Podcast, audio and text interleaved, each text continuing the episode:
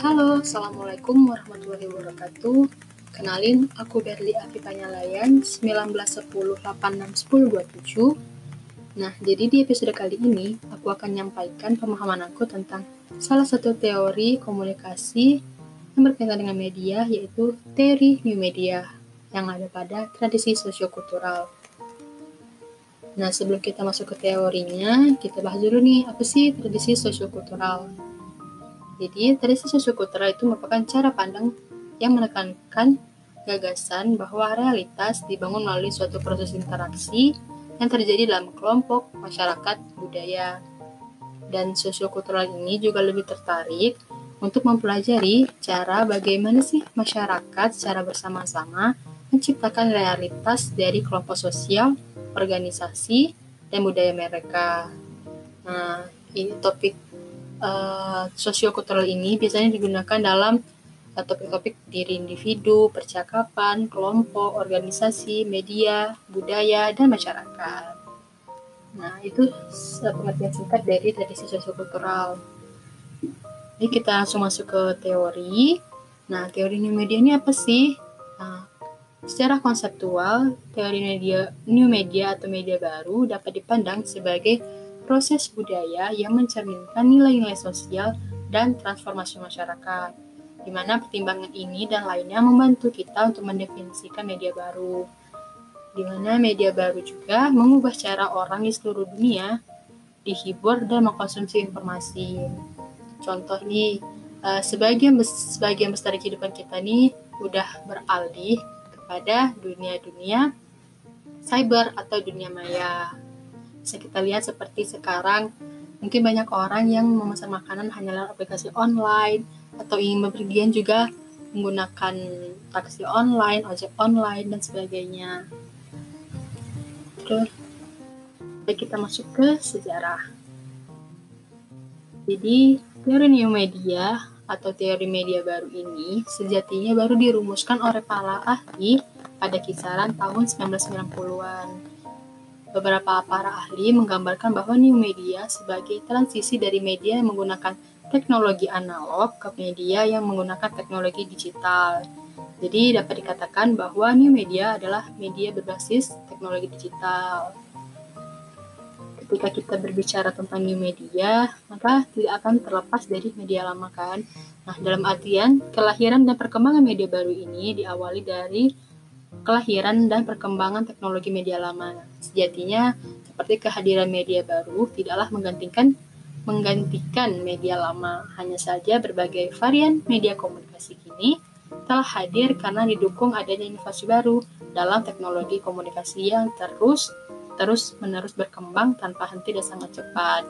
Karena hingga kini pun masih tuh kita nemui surat kabar, cetak, atau radio serta televisi yang berasal dari media lama. Sehingga di sinilah eh, media-media lama memanfaatkan perkembangan teknologi untuk berinovasi yang digunakan untuk memperluas halayaknya. So, jadi tradisi sosiokultural di sini membantu kita memahami bagaimana sih fungsi dari dan respon terhadap media sebagai bagian dari konteks budaya yang lebih besar kontribusi utama dari tradisi sosiokultural ini yaitu adalah untuk menangkap hasil-hasil sosial dan budaya yang besar dan interaksi masyarakat media. Begitu teman-teman. Nah, terus uh, perlu kalian juga ketahui bahwa di media ini uh, ada dua cara, ada dua pandangan yang berbeda antara era media sebelumnya dengan media sekarang. Oke, kita bahas yang pertama. Dalam teori era media yang pertama yaitu dikenal sebagai adanya pendekatan integrasi sosial. Integrasi sosial ini adalah sebuah pendekatan dalam teori era media pertama yang menekankan transmisi informasi yang mengurangi kemungkinan terjadi interaksi.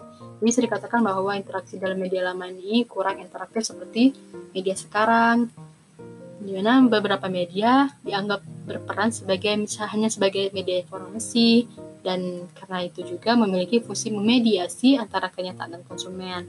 Nah, sedangkan teori era media kedua dikenal dengan adanya pendekatan interaksi sosial, di mana media baru digambarkan memiliki karakteristik yang lebih interaktif dan menciptakan sensasi baru dalam komunikasi personalnya. Nah, pemahaman dari pendekatan interaksi sosial ini lebih melihat perbedaan antara seberapa dekat sih media dengan hal layak dengan model interaksi tatap muka. Maka berbeda seperti tadi integrasi sosial yang menggambarkan media bukan termasuk dalam bentuk informasi, interaksi, atau penyebaran informasi, melainkan dalam bentuk ritual atau kebiasaan atau dengan bagaimana manusia menggunakan media sebagai salah satu cara untuk menciptakan masyarakat baru. Nah, di sini ada satu para satu ahli yang memiliki sudut pandang seperti ini yaitu Pierre Levy. Nah, ia memandang bahwa World Wide Web adalah sebagai lingkungan informasi yang terbuka, fleksibel, dan, dinama, dan dinamis. Nah, World Wide Web ini memungkinkan manusia untuk mengembangkan sebuah orientasi baru untuk memperoleh pengetahuan. Dan juga karena World Wide Web ini bersifat lebih interaktif dan berbasis komunitas yang menggunakan jaringan seperti internet, di mana internet menyediakan tempat pertemuan virtual memperluas dunia sosial, juga menciptakan kemungkinan baru bagi pengetahuan dan menyediakan ruang untuk berbagi perspektif tentang dunia web. Nah, itu pengertian-pengertian uh, dari teori new media. Nah, langsung daripada pusing, lebih baik kita masuk ke contoh kasus.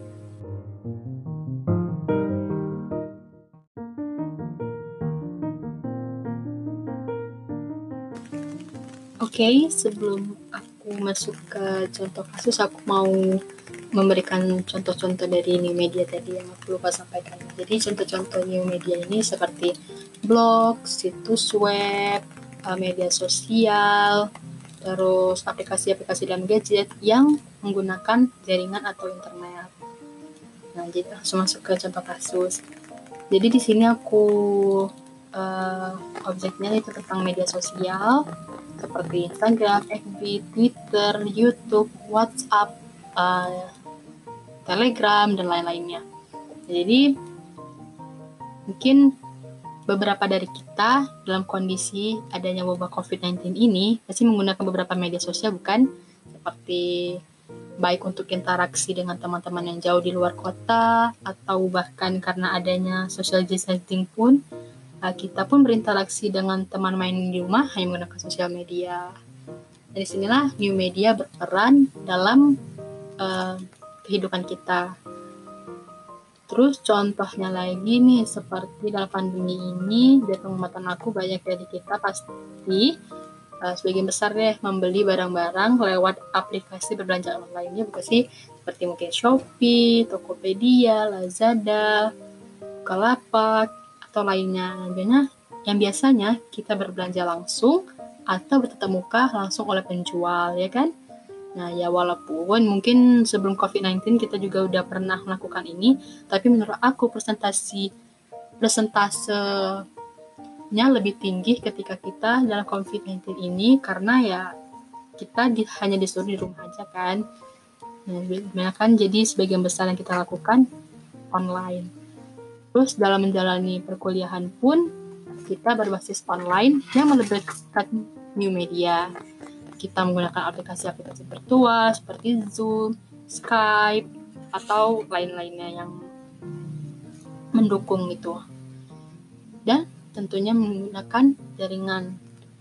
So, kurasa ya di sinilah kita bisa lihat bagaimana masyarakat secara bersama-sama menciptakan realitas dari kelompok sosial, organisasi, atau budaya mereka dalam media.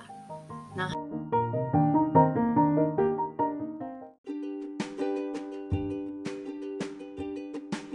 Baiklah, itulah pemahaman aku terkait materi ini. Semoga bisa dipahami. Terima kasih sudah mendengarkan hingga akhir. Aku akhiri. Assalamualaikum warahmatullahi wabarakatuh.